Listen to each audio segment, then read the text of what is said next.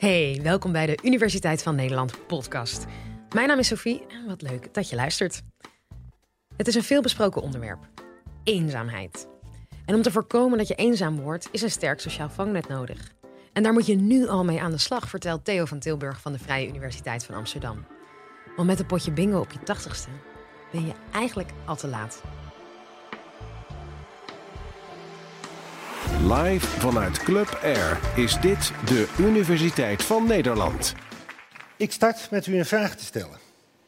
Die vraag is: wie denkt er van u dat meedoen aan een bingo of het meedoen aan een straatbarbecue, het gaan naar een filmavond, wie denkt er dat dat eenzaamheid oplost? Wij hebben dit gevraagd aan oude mensen zelf. 86% van hen zei van ga dat doen, dan kom je weer onder de mensen, dan ben je weer actief, dat is belangrijk. En toch, de titel geeft al aan, we weten dat het zeker niet altijd helpt.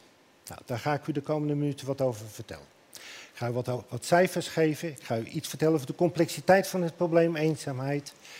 En ik ga ook met u praten over of er oplossingen voor mogelijk. Mensen die maandenlang dood in hun huis lagen. Jaren soms. En het meest extreme voorbeeld is een mevrouw, ze heet, ze heette uh, Beb de Bruin, die tien jaar dood in haar huis lag in Rotterdam. Tien jaar, moet u je voorstellen. Ze had een dochter. Die dochter was in twintig jaar niet bij haar op bezoek geweest. Contact was volledig verbroken. Ze werd uiteindelijk gevonden omdat de gastleiding gerenoveerd moest worden. Nou, dat is erg. Dus die mensen, al deze mensen waren zeker heel erg alleen. Maar waren ze ook eenzaam? Eigenlijk weten we dat niet. Er zijn zo'n ongeveer 3 miljoen ouden in Nederland en de startweef bij 65 jaar. Dat is natuurlijk een willekeurige start, maar daar doen we het nu even mee. Van de 65-jarigen is er ongeveer 25% eenzaam. 1 op de 4.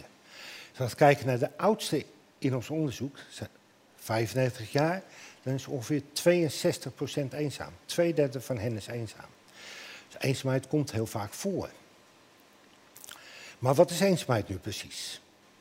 Eenzaamheid, zo zei iemand, ja, hoe ouder je wordt, des te meer mensen je wegbrengt. Zeker een aspect van eenzaamheid. Eenzaamheid is een gevoel.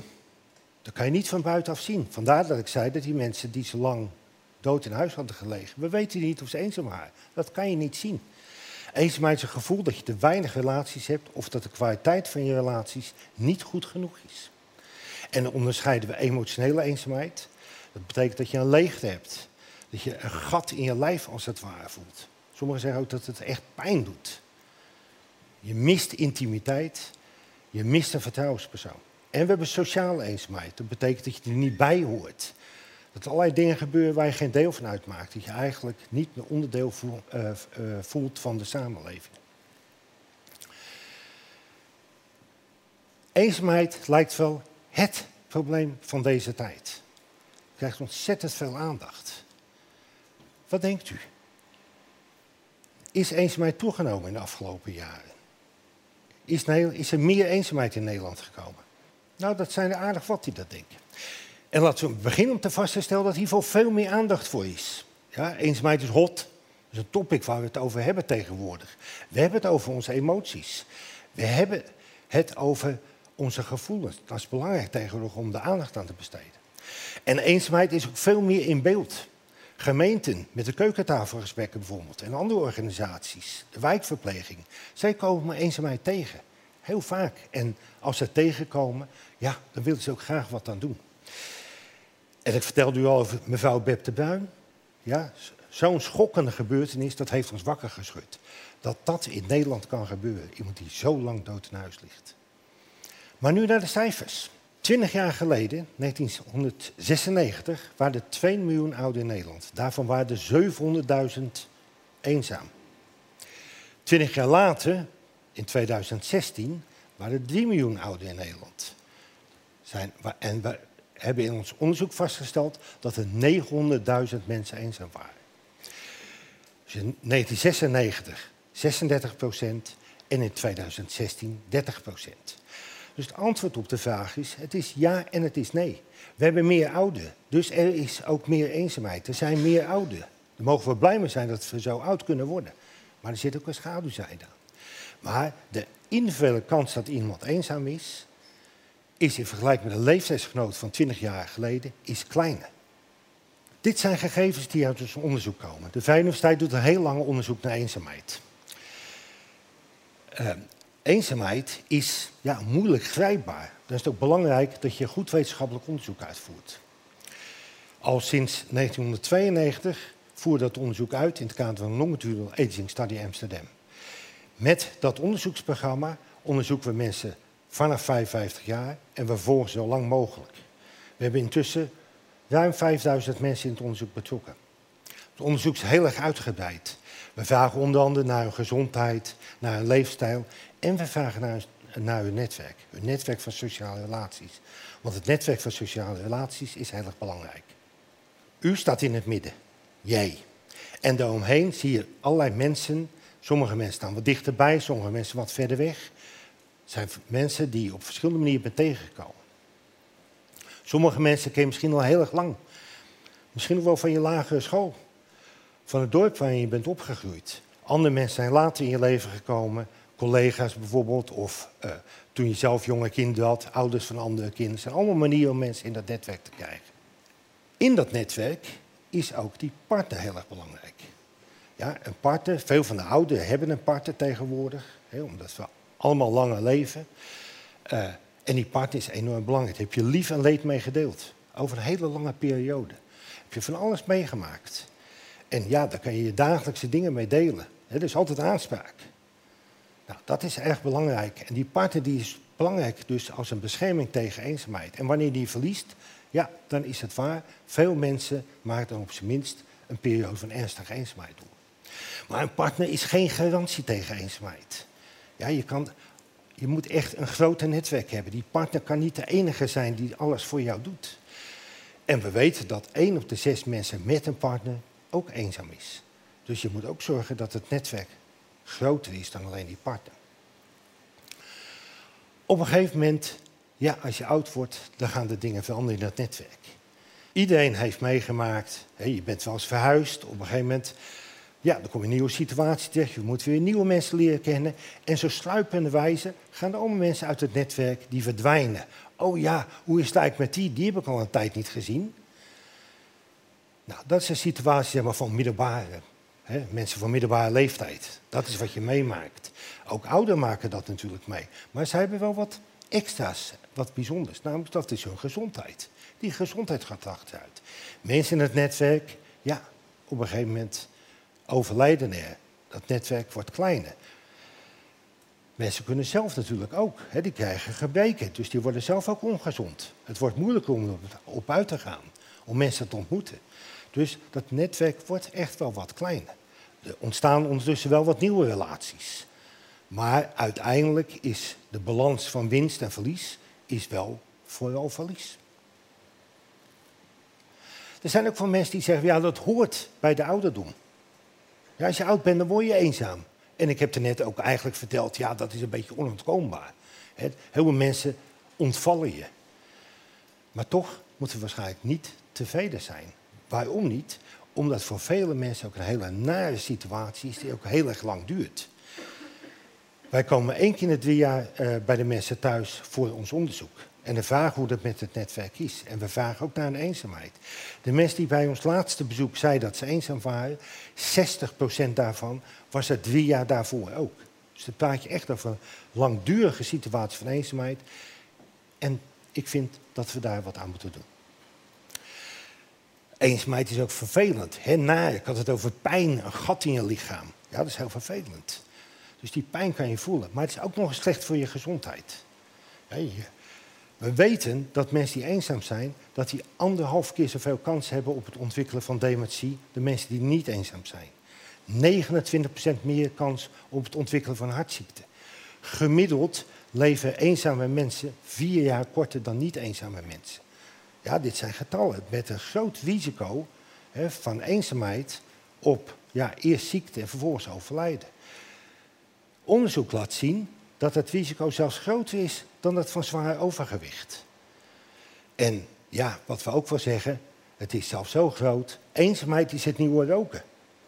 Wil niet zeggen dat je beter kan gaan roken. Dat is niet de boodschap hier. Maar dat betekent wel, hoe, hè, dat geeft wel aan hoe belangrijk het is om die eenzaamheid aan te pakken. Hoe komt het nou eigenlijk? Nou, er zijn twee groepen van factoren die hier van belang zijn. Het eerste is dat er wat in je lijf verandert. Eenzaamheid is een vervelende situatie, er ontstaat stress.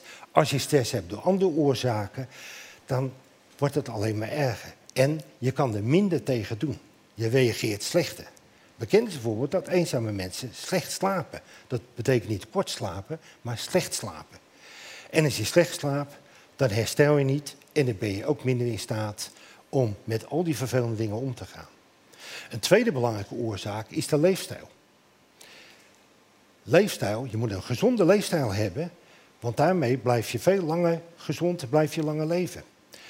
Wat betreft, uh, mensen die eenzaam zijn, die zoeken eigenlijk ook een beetje de risico's op. Die zorgen slecht voor zichzelf. Die hebben misschien ook niet iemand die op hen let. En ja, het gevolg daarvan is ook, ze gaan slecht eten, ze gaan te veel drinken, ze bewegen te weinig, ze gaan niet op tijd naar de dokter als dat nodig is. Dus daardoor ontstaan er ook eerder ziekten en daardoor overlijden ze eerder. Mensen die eenzaam zijn, komen eigenlijk in een rotsituatie terecht. En om uit die rotsituatie te komen, dan moet je jezelf moet je eigenlijk hervinden. Maar mensen vinden dat moeilijk. En als ze dat proberen, het zijn niet altijd de meest vrolijke mensen op dat moment. Dus dan is het ook niet zo'n leuk gezelschap. Dus ze krijgen ook vaak negatieve reacties. Of mensen worden op een gegeven moment zat. Heb je het nou weer over dat probleem? Ja, ga eens positief, ga wat doen. Dat is eigenlijk wat ik in het begin ook zeg. Maar heel veel mensen kunnen dat niet. Ja, en in die situatie ontstaat eigenlijk een neerwaartse spiraal. Want mensen krijgen slechte reacties op hoe ze, hoe ze zijn. Nou, daar worden ze zeker niet vrolijker van. En op het moment dat ze niet vrolijker worden, worden ze nog meer aantrekkelijk voor andere mensen, krijgen weer meer negatieve reacties. En ze zullen ook niet zo snel dan weer op mensen afstappen om die nieuwe contacten te maken. Ja, en dan eindigt het in eenzaamheid.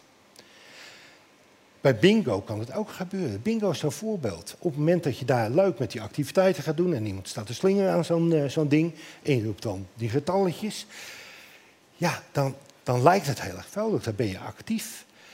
Maar probeer dan eens een praatje aan te gaan. En als je eenzaam bent en je hebt niet zoveel te vertellen, of je bent ook niet gewend om met anderen om te gaan, dan is dat best lastig. En is de kans dat mensen eigenlijk een beetje naar op je gaan reageren, een beetje afhoudend. Die denken, oh, die, daar is wat mee. Ja, dan maak ik even een praatje mee, maar ga zo snel mogelijk door naar iets anders. Of ik ga naar de bar om een kopje koffie te halen.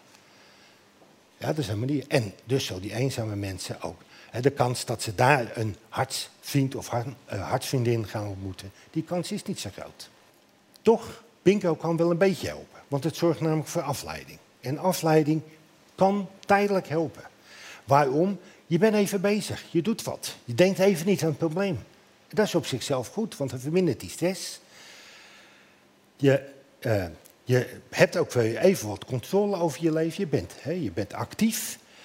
Allemaal belangrijk met, hè, dat je met afleiding dat je, uh, even in een andere sfeer komt. Maar uiteindelijk helpt het niet, dus we moeten zoeken naar echte oplossingen. Ja, wat zijn dan echte oplossingen? Dat is lastig. Want ineens moet je andere dingen gaan doen die je in jaren niet hebt gedaan. Je moet ineens weer nieuwe vrienden gaan maken. Als je niet eenzaam bent en je hebt een grote vriendenkring, dan lijkt het heel erg eenvoudig. Het komt allemaal op je af. Je hoeft een beetje wat te organiseren of andere mensen te organiseren. Maar als je dat niet hebt, waar begin je? Daar heb je vaardigheden voor nodig. Ja, en die vaardigheden, als je die heel lang niet geoefend hebt, hoe ga je die opdoen? Nou, een van de manieren om dat te doen, ik zeg niet de enige manier, maar een van de manieren om dat te doen, is dat je een cursus gaat volgen. Je kan bijvoorbeeld een cursus gaan volgen waarop je, wat meer, hè, waarop je weer wat meer grip krijgt op je leven. Hè, dat je wat meer zelfvertrouwen opbouwt. Dat je leert om weer dingen te doen, dingen te ondernemen. We weten ook van activiteiten waar mensen geholpen worden om die dingen te doen. Waar ze vroeger goed in waren. Of waar ze zeggen van nou, dat zou ik nog eens willen doen. Mensen worden gestimuleerd om weer echt nieuwe activiteiten te doen. En waarop, ook, hè, ze geholpen worden om dat ook uh, uit te voeren. Dat is belangrijk. Want dan heb je weer wat om over te vertellen, om positief over te zijn. Zie je wel, ik kan wat. Ik kom mensen tegen die ook diezelfde hobby hebben. Belangrijk in al deze voorbeelden is dat je zelf iets doet. Ga niet zitten wachten tot iemand anders wat voor jou doet. Dat is niet een goede strategie. Je moet zelf wat doen. En ja, voor ouderen is het ook heel erg belangrijk dat ze natuurlijk ook de moderne middelen gaan gebruiken. De sociale media is een heel goede manier om contact te onderhouden. Misschien niet doorlopend, maar wel een hele goede manier. Vooral als je wat slechter te been bent. Ja, het is zo makkelijk. Je kan zelfs in je luistoel blijven zitten. En dan kan je nog sociale contacten onderhouden. Ik wil er graag meenemen naar de toekomst. Hoe gaat ons, onze toekomst uitzien? We worden allemaal ouder. En dat is ook maar goed. Onze hele bevolking gaat vergrijzen. Betekent ook dat er dan meer eenzaamheid gaat ontstaan. Ik denk dat het niet hoeft. Ik denk dat er zat activiteiten zijn die helpen tegen eenzaamheid. We moeten ervoor zorgen dat die activiteiten beter worden, dat ze effectiever worden. Dat ze dieper ingaan en niet alleen maar de oppervlakkige contacten gaan, uh, gaan stimuleren. We moeten zorgen dat we onze persoonlijke netwerken gaan maken. En op het moment dat die persoonlijke netwerken dat die groter worden, en vooral als je daar op tijd mee begint en het volhoudt tot op hoge leeftijd, dan gaan we een prachtige toekomst tegemoet. Dank u wel. Ik hoop dat je het een leuk en leerzaam college vond. Check vooral ook de rest van onze playlist, want we hebben nog veel meer colleges voor je in de aanbieding. Volgende keer iets heel anders, want dan gaan we het hebben over het eten van eendenkroos. Ja, echt. Mijn naam is Sophie Frankenmolen en heel graag tot de volgende.